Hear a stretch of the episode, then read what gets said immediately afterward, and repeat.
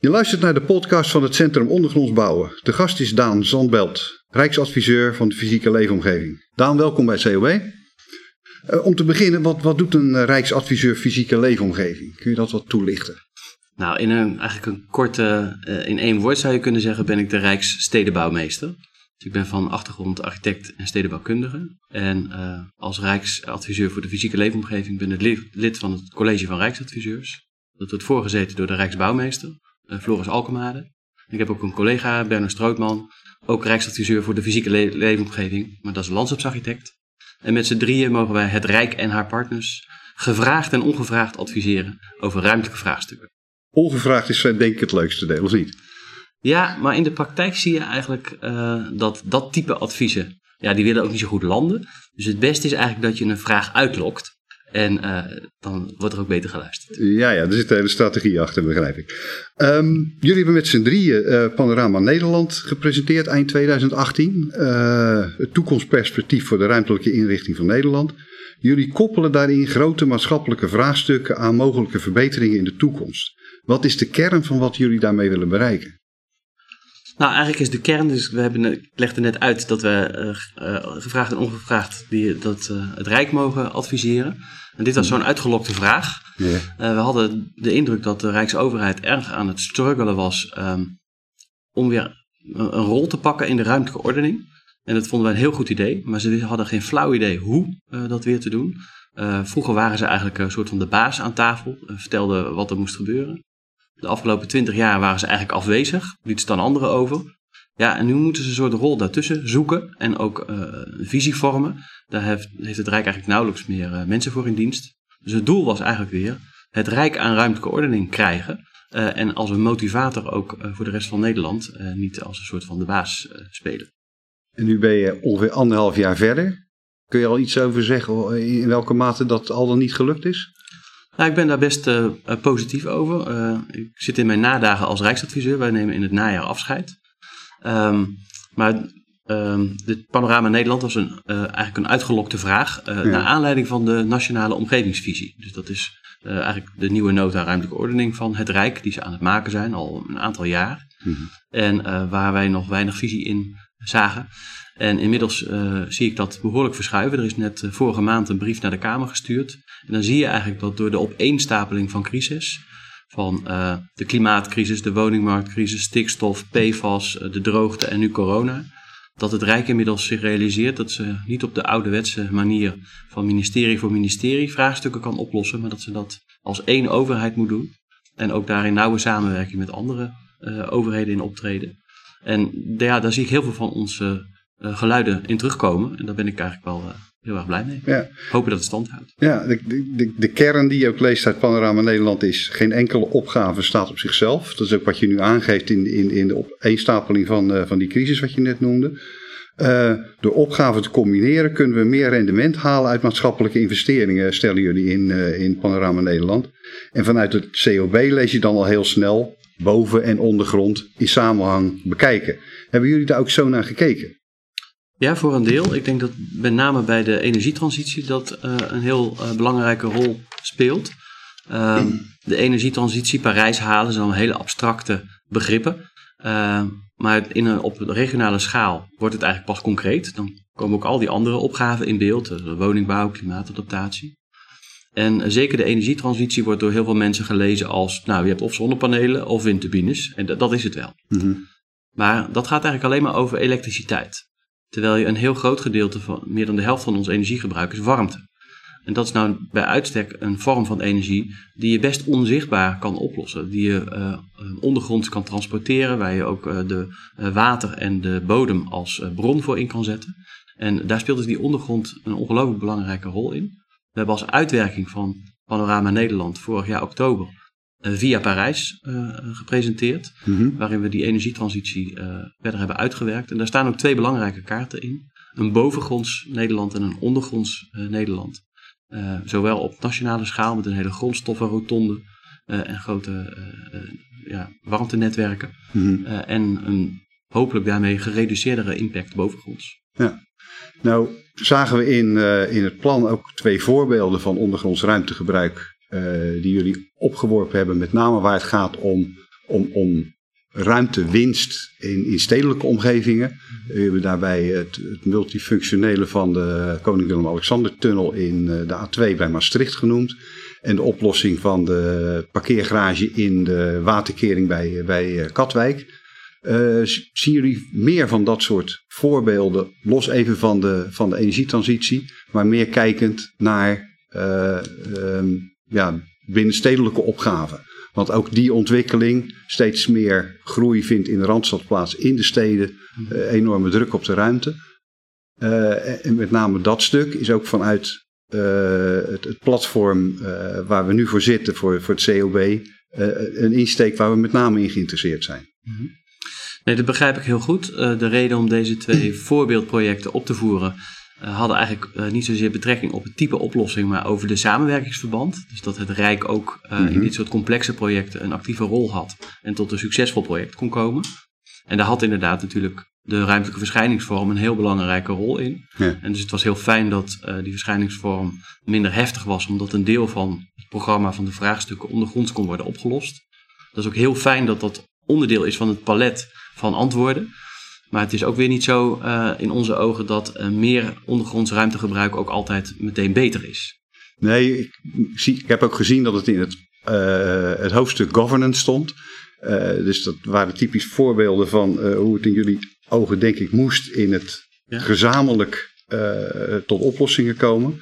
Um, maar als we toch even mogen, mogen inschieten op, op dat ondergronds ruimtegebruik.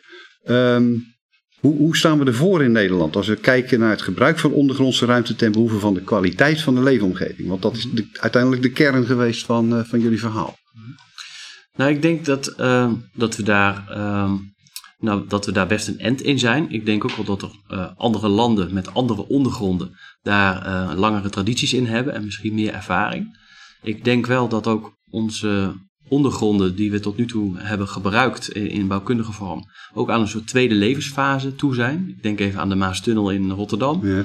En dus dat dat ook een belangrijk onderdeel, onderdeel begint te worden. Dat wat je ondergronds maakt, dat het net als iets wat bovengronds is, dat dat misschien wel voor meerdere doelen geschikt moet zijn dan waarvoor je het hebt aangelegd. Uh, zoals je een huis een keer kan verbouwen of uh, een woning wordt een hmm. kantoor en wordt een school. Zo zie je ook dat die Maastunnel, um, ja, daar wordt nu over nagedacht om er een tram doorheen te uh, trekken. En het autoverkeer is toch een beetje anders dan vroeger. En dus in hoeverre zijn, er, zijn het grotere structuren die je ook anders kan benutten? En dat is denk ik wel uh, een verstandige eis die we nu pas beginnen te ontdekken. Ja. Um, wat dan opvalt, zomaar een voorbeeld hoor, een rapport van, de planbureau, van het Planbureau voor de Leefomgeving over scenario's en modellen voor de groei van Amsterdam. En daar wordt de ondergrondsvariabele niet in meegewogen. Um, nog wel een, een, een missie te gaan dan uh, vanuit de Rijksadviseurs om, uh, om dat wel integraal in, in dat soort grote plannen meegewogen te krijgen.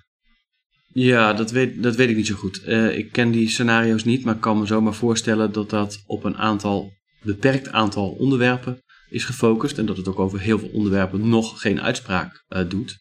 Maar mhm. daarmee volop ruimte laat voor deze onderwerpen. Dus ik zou niet zeggen, ondanks dat ik de scenario's niet ken, dat het daarmee per definitie genegeerd uh, is. Ik wil wel waken voor de suggestie die er af en toe wordt gewekt dat, uh, dat de, de druk op onze steden en de ruimte zo verschrikkelijk groot is en uh, dat we daardoor wel gedwongen zijn om ondergronds te gaan. Uh, of dat, we de, dat het alternatief is dat we hoogbouw moeten plegen. Dat, dat valt allemaal reuze mee. Ehm, dus de, als we alleen maar woningen met een tuin zouden bouwen, uh, dan nog uh, uh, zou dat makkelijk passen binnen, binnen veel bestaand gebied. Um, dus we moeten het op een aantal plekken biedt het enorm handige uitkomsten. Mm -hmm. Maar het is niet zo dat, dat het een soort over de kook is en dat we geen andere keuze resten dan. nee, maar ik, ik heb een aantal aanbevelingen gelezen in, uh, in Panorama Nederland, of een aantal bevindingen. Waar jullie zeggen, uh, waar je dan gaat concentreren in steden, moet je dat bij OV-knooppunten doen. Ja. Dus ik veronderstel dat er wel plekken zijn in de stedelijke omgeving waar die ruimtedruk dan optreedt, omdat je zoveel functies wilt combineren. Uh, en, en op het moment dat dat optreedt, zie je dat uh, hoger bouwen vaak als veilige optie wordt gezien. Mhm. Omdat men ervan uitgaat, ondergronds bouwen zou te veel risico's met zich meebrengen, zou te duur zijn. Um, maar tegelijkertijd lopen de grondprijzen op in dat soort gebieden. Uh, leiden dat soort ontwikkelingen bij elkaar opgeteld er nou toe uh, dat de ondergrond dan toch vaker in beeld komt? Mm. Of heb je de indruk dat dat toch nog, ja, als de risicovol wordt gezien en liever wordt gemeden? Nee, natuurlijk heb je gelijk dat het heel vaak een kostenafweging is. Maar eerst even de nuancering. Um, de hoogste dichtheid die we in Europa kennen wordt gehaald rondom Gare du Nord in Parijs. Daar is maar zes of zeven, acht lagen hoog gebouwd. Dus dat is geen hoogbouw. Dat, dichter wordt het niet. Als je torens gaat bouwen, heb je heel veel ruimte nodig voor windhinder, voor schaduw, voor parkeren. Dus heel veel Nederlandse hoogbouw heeft, heeft platvoeten. Dus die is mhm. helemaal niet zo dicht. Het is vooral een symbool. Het is vooral een, een verschijningsvorm. Denk maar aan de Montevideo. Die toren kan je ook plat leggen op zijn, uh, op zijn onderbouw. Dan is die maar 18 lagen hoog. En je ziet ook dat die verhouding een beetje hoort bij boven- en ondergronds. Dus het is niet zo dat je of een groot gebouw bovengronds maakt of ondergronds. Nee, hoe groter het gebouw, hoe logischer het is dat er ook een deel onder de grond uh, is. Een soort omgekeerde ijsberg. Uh, laten we zeggen 5 tot 10 procent van het bouwvolume vind je gauw ondergronds. Dat is ook een soort van logisch uh, in, in, termen van bouwkosten. Hangt natuurlijk sterk samen met de ondergrond, in hoeverre de, de grondwaterspiegel hoog staat. En ik denk dat er ook nog een ander fenomeen aan zit. We hebben, laten we zeggen, gebouwen ondergronds, ruimtes waar je al dan niet als mens kan verblijven of uh, auto's kan parkeren of andere zaken. Maar je hebt ook heel veel structuren, zeg maar niet echt een gebouw zijnde. Mm. Afvalcontainers, kabels en leidingen. En ik denk met name in die laatste categorie, die structuren, dat daar de ondergrond een ongelooflijk uh, uh, veel verlichting voor de stad kan betekenen. En ook daarmee impact op de ruimtelijke kwaliteit. Qua ruimtes beperkt het zich al gauw tot de min 1. Uh, hè, dat is nog heel handig vanaf de begane mm grond. Eén, één, net als je één verdieping omhoog nog wel mensen krijgt, dat je mensen één verdieping naar beneden kan. Dat lukt het ook nog om een beetje daglicht te krijgen. Niet helemaal van de bewoonde wereld uh, uh, te zijn. Heel veel meer dan dat wordt al gauw, ja, het niet alleen heel duur, maar ook ja, vaak wat minder prettig. Wat je eigenlijk zegt is, er zijn veel meer aspecten die een rol spelen dan puur dat, dat ruimtegebruik. Uh, dan ga je al snel de discussie krijgen. Ga je dingen wegstoppen in de ondergrond? Mm -hmm. Wat je heel vaak hoort. Hè, van nou, wat we niet bovengrond willen hebben, mm -hmm. dat stoppen we ondergronds weg. Want dat is lelijk of, of, of dat past niet. Um, maar kun je met name in die binnenstedelijke omgevingen functies voorstellen ondergronds die verder gaan dan het niet willen hebben in de bovengrond? Nou, ik vind eigenlijk de interactie heel interessant tussen boven- en ondergrond. Um, je ziet dat bijvoorbeeld bij het verdichten van steden. Uh, uh, het, ja, dan, dat betekent dat er eigenlijk meer reden bestaat om dichtbij, ehm, ook met functiemenging, dat je eigenlijk heel je dagelijks leven dichtbij, dat, je huis kan organiseren. En daardoor zie je dat eigenlijk het autogebruik gereduceerd wordt. Dus je hebt minder behoefte aan langere autoritten eh, of uh, korte autoritjes, want je kan veel te fietsen en te voet al af. Daardoor is er minder ruimte voor parkeren nodig en zijn de rijbanen uh, minder breed. Daardoor ontstaat er meer ruimte voor groen. Die, en bomen hebben fikse wortels ondergronds. Um, maar je ziet ook dat als er minder asfalt nodig is, dan ontstaat er ondergronds ook meer ruimte voor kabels en leidingen, omdat we gewend zijn om onder asfalt geen kabels en leidingen aan te leggen. Dus zo kan verdichting ruimte bieden ondergronds om allerlei energieinfrastructuur voor de energietransitie aan te leggen. Dus een grappige combinatie dat verdichten en vergroenen en verduurzamen zijn een soort uh, traits die elkaar versterken. Ja. En dat is dus een relatie die in ondergrond en bovengronds. Ja. Maar ik hoor dan nog in je, in je voorbeelden nog niet voorbeelden als uh, Helsinki, waar een kerk ondergronds is. Mhm. Of je had, je had net over Parijs uh, mm-hmm. bij een metroknooppunt. Uh, meen vier, vijf verdiepingen mm-hmm. winkelcentrum ondergronds. Ik weet niet meer precies hoe die heet, maar bekend. Châtelet al, denk ik. Ja. Precies, die bedoel ik, ja. Um, dat zijn toepassingen die je in Nederland nog wat minder ziet. Dat heeft dan misschien ook wat te maken met die, met die grondgesteldheid. Onze koopgoud. Ja. ja. Ja, dat is dan een soort verdiepte ligging, hè, zoals we dat dan uh, in de ondergrondse wereld noemen. Er zit geen dak op, bedoel ik. Ja, de, de, de kruising, hè, onder ja, de Ja, dat wel. Ja. Um, maar zijn dat toepassingen waarvan je zegt uh, in de ontwikkeling van trek naar de steden, -hmm. groei van de randstad met name, zijn dat ondergrondse oplossingen die vaker voor gaan komen?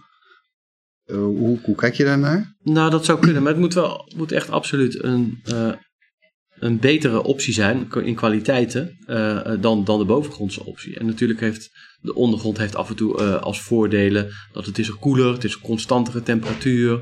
het zit, we komen er ook steeds meer achter dat het, het leven is op het maaiveld. En dan is de ondergrond wel heel dichtbij. Hè? Dus maar één verdiepingje naar beneden vaak. Dus dat is eigenlijk in die zin wel fijn. Ehm, maar je, ja, je hebt wel veel minder daglicht. Uh, je hebt uh, alleen maar een binnenkant eigenlijk. dat beperkt het voor een deel. Dus ik denk wel dat we het zullen zien op een aantal beperkte plekken. Maar het is ook niet zo dat ik nou denk dat, dat de menselijke interactie, dat die nou ook veel op, op die ondergrond te vinden zal zijn. Dus ja, misschien is dat niet helemaal het antwoord wat jullie zoeken, maar ik vind het helemaal niet zo erg dat veel van die faciliteiten, om dat menselijk leven mogelijk te zijn, dat die ondergronds uh, worden gebracht. Uh, en daar een keer bij wijze van uitzondering uh, een ondergrondse ruimte. Maar voor mij is het niet evident duidelijk dat die ondergrondse kerk in Helsinki of het winkelcentrum in Parijs, omdat het ondergronds is, nou zoveel beter is. Nee, helemaal niet. Nee, nee, nee, maar dat, dat, gaat ook niet om, uh, om het naar die kant sturen. Maar het interessante is uh, dat als de gevolgtrekking zou zijn dat je omwille van ruimtegebrek meer ondergronds gaat, dat je uiteindelijk, dat, en daar ja, wil ik de discussie ja. graag naartoe brengen, wat, wat levert dat voor randvoorwaarden op? Mm -hmm. uh, je kunt zeggen, ja, ondergrond heeft een aantal beperkingen. Bijvoorbeeld daglichttoetreding. Uh, dan kun je het ook omdraaien en zeggen op het moment dat je het nodig vindt om de ondergrond in te gaan, heb je deze en deze randvoorwaarden mm -hmm. moet je stellen om te zorgen dat het een gelijkwaardige beleving blijft ten opzichte van wat je normaal bovengrond zou realiseren. Ja. Nee, maar dat ben ik ook helemaal met je eens. Maar ja, dan zit je wel gewoon aan de, aan de financiële kant. Het is gewoon regelmatig uh, heel fors uh, veel duurder. Um, ja, en nogmaals over die ruimtedruk. Ja, die ruimtedruk in Nederland, dat, dat kloppen we met elkaar allemaal op dat die zo gigantisch hoog is. Maar dat valt echt reuze mee. we zijn eigenlijk, wij zijn eigenlijk geen klein land. Wij zijn een grote lege stad. er wonen 17 miljoen mensen in Nederland. Als je heel Los Angeles wonen ook 17 miljoen mensen. En sommige mensen zijn wel bevreesd dat Nederland een Los Angeles is. Maar als je Los Angeles op Nederland plakt, dan is heel Friesland, uh, Groningen en Drenthe is helemaal leeg. Dus uh, wij zijn eigenlijk nog veel verspreider dan Los Angeles. En natuurlijk hebben ze in Los Angeles ook een metro en een paar ondergrondse ruimtes. Dus die ja, hebben wij ook ja, echt wel. Ja. Het is niet zo dat, uh, dat we uh, echt moeten woekeren met de ruimte en dat we een soort Hongkongse tafereelen uh, hier hebben of krijgen. Nee, ik, ik snap hem. Ehm, maar neemt niet weg dat je onderzoeken wilt welke keuzes je zou willen maken. Absoluut. En daarbij kan ik me voorstellen dat je vanuit een Nederlands perspectief ook andere eisen stelt aan de ruimtelijke inrichting van de bovengrond. En dat je als gevolg daarvan ook andere keuzes maakt in wat je wel en niet ondergrond stopt. Ja. Dan dat je dat in Los Angeles of in Hongkong zou doen. Eens, ja. ja, ja. En dat is ook, maakt dus ook de hele specifieke context van uh, nou, onze verslaving aan uh, het belang van dicht daglicht, uh, de situatie van de ondergrond, de combinatie van de ruimtedruk en de type functies dat we willen accommoderen.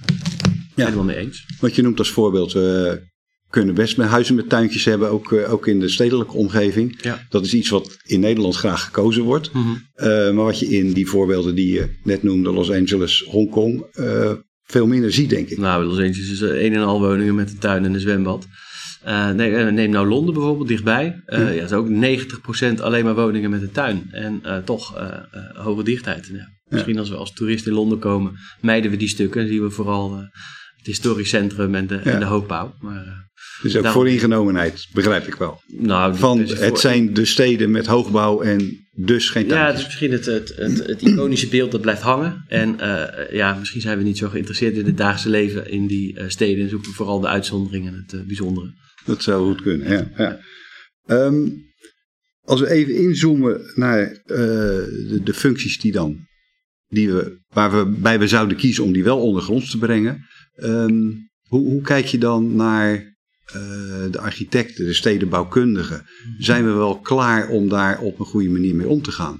Op het moment dat je ondergrondse functies uh, een, een, andere kwaliteit mee wilt geven dan uh, bijvoorbeeld ondergronds afvalopslag, en waar het dus echt gaat om de beleving van mensen, vergt dat ook wel een andere kijk op die ondergrond, denk ik.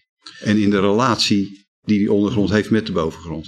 Ja, maar ik, nee, uh, excuus ervoor, maar ik zie dat toch iets te veel als wc-eend. Uh, dus dat meer meer ondergronds uh, ruimtegebruik ook voor mensen, dat dat beter is dan als we dat niet zouden doen. Nou, dat, dat zie ik nog niet meteen. Ik, ik verkies het toch. Mag je even in de reden van, ik bedoel niet, niet beter, maar ik bedoel op het moment dat je ervoor kiest, mhm. dat er bepaalde randvoorwaarden aan zitten. En of we daar dan voldoende invulling aan geven. Ja, maar ik, ik vind die, dat eerste deel toch, in, toch interessant, als we die ook even mogen aanstippen. Ehm, die ondergrondse structuren waar die mens niet per se de ondergrond in hoeft, of dat die alleen maar in een voertuig de ondergrond in is. Dus uh, voor onze energieinfrastructuur, voor onze afval, uh, voor onze nou, een fietstunnel of een autotunnel of een treintunnel. Ik denk dat die aspecten, uh, dat daar eigenlijk in ondergronds bouwen verreweg de meeste potentie zit. Omdat die de druk op, de, op de bovengrondse ruimtelijke kwaliteit enorm kan vergroten. Dan kunnen we grote stromen van, uh, van verkeer uh, kun je weghalen van uh, dat mm maaiveld van de frisse lucht, van de, de buitenruimte, van het daglicht. En je kan ook ruimte creëren, toch dicht bij het maaiveld, voor dingen die tijdelijk moeten worden opgeslagen of die moeten worden getransporteerd. Dus het afval en de, en de energie.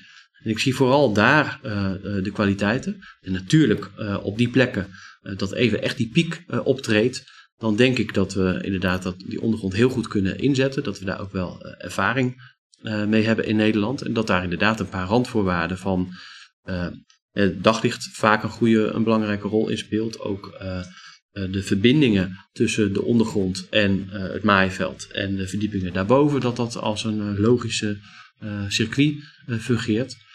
En die aanpasbaarheid op termijn. Hè, dus waarvoor je het ontwerpt, mhm. is dat de enige manier waarop je die uh, ruimtes en die structuren kan gebruiken? Of zijn er ook nieuwe, andere uh, aanpassingen nodig in de toekomst voor eisen die we nog helemaal niet uh, hebben bedacht, dat we dat ook konden willen? Ja, je wilt reservering als het ware, moet ik dat zo zien? Nou, misschien kunnen we een beetje leren wat we bovengronds weten van de grachtenpanden. Die hebben, hebben zo'n overmaat dat met een breedte van 8 meter of zo voor een grachtenpand, met hoge verdiepingsruimtes, ja, daar kun je prima in wonen. Maar je kan er ook prima een kantoor maken. En omdat ze net een beetje te groot zijn voor al die functies. Dat geldt misschien ook voor de ruimtes in de ondergrond. Wees niet te zuinig. Het is wat duurder daar. Maar misschien als je dan een ruimte maakt, zorg ook dat die een beetje overmaat heeft. Zodat die voor meer dan één functie is toe te passen. Toekomstbestendig maken. Ja. ja. ja. ja. En dat is dan wel interessant, want daar zullen jullie als Rijksadviseurs ongetwijfeld ook over nagedacht hebben. Als je dan verder kijkt dan, dan 2030, Ehm, welke ontwikkelingen je dan ziet uh, waarvan je zegt, daar zou je dat soort reserveringen in de toekomst wellicht wel voor nodig kunnen hebben. Nou, wat, wat wel ingewikkeld is, is dat we, zeker rondom mobiliteit, zoals parkeren, um, daar gebruiken we nu de ondergrond regelmatig voor, voor parkeergarages. En dat is nou net een van de gebruiksfuncties waarbij de toekomst zeer uh, onzeker is. Hè. Dus hebben we, hebben we straks nog uh, parkeergarages nodig. Als allerlei auto's zelf rijden en uh, die, mhm. die, kunnen ergens uh, zich parkeren. heb je ook nog allemaal ruimte nodig in een garage voor om de deuren open te kunnen doen. Of stapt iedereen bij de, bij de entree uit? heb je nog de, de rijbanen nodig? Of zet je allezelfde mm. type auto's bij elkaar in één hoek? Um, of hebben we straks oneindig veel meer voertuigen? Dus we weten niet zo goed of we straks heel veel meer parkeerruimte of heel veel minder parkeerruimte nodig hebben. Dus de tijdelijkheid van parkeeroplossingen uh, is ook eigenlijk wel iets wat, uh, waar we goed over na moeten denken. Uh, dat is ondergronds best ingewikkeld. en ook hoe je een parkeergarage op een andere manier kan gebruiken als die niet meer in zijn functie is. Je kan er eens water opslaan of misschien een soort batterij ondergronds. Maar dat is hmm. vrij ingewikkeld wat je met die ruimtes nog in kwalitatieve zin kan doen. Um, dus dat, dat, is best een struggle. Ja, ja. En uh, jullie kijken ongetwijfeld ook naar de, de huidige tijd, naar de coronacrisis, mm -hmm. waarbij uh, mobiliteit ineens enorm verandert. Mm -hmm. uh, dus bij de vraag natuurlijk hoe blijvend dat is. Mm -hmm. zien jullie daar dan ook aanleiding in, om, juist om op deze manier te denken? Ja, daar kijken we eigenlijk wel naar. Dus wij, ook in het Panorama Nederland, hebben dat al gesteld, dat bijvoorbeeld stationsgebieden, Ehm, dat dat eigenlijk ehm, de, meest, de best bereikbare plekken zijn. Mhm. Eh, niet omdat iedereen met het OV moet, maar omdat dat voor elk vervoersmiddel uh, goed bereikbare plekken zijn. Knooppunten. Dat zie je, ja, knooppunten. Dat zie je nu in deze tijd van corona eigenlijk heel goed werken. Openbaar vervoer krijgt een moeilijke periode tegemoet. Uh, iedereen met mondkapjes en bevreesd voor besmettingen. Maar tegelijkertijd kun je nog steeds goed op die plekken komen. Dan wel met de auto, met de fiets, te voet. dus op een andere manier. Nog steeds bij dezelfde functie. En ehm, ja, natuurlijk zal dat iets betekenen voor de ruimtedruk. nu zie je in veel stationsgebieden autogarages leegstaan. Ehm, de, fiets, de fietsparkeerplekken zijn juist overvol. Dus misschien zit daar ook een soort mogelijkheid in om dat gradueel te kunnen opvangen of elkaars ja. verlengen.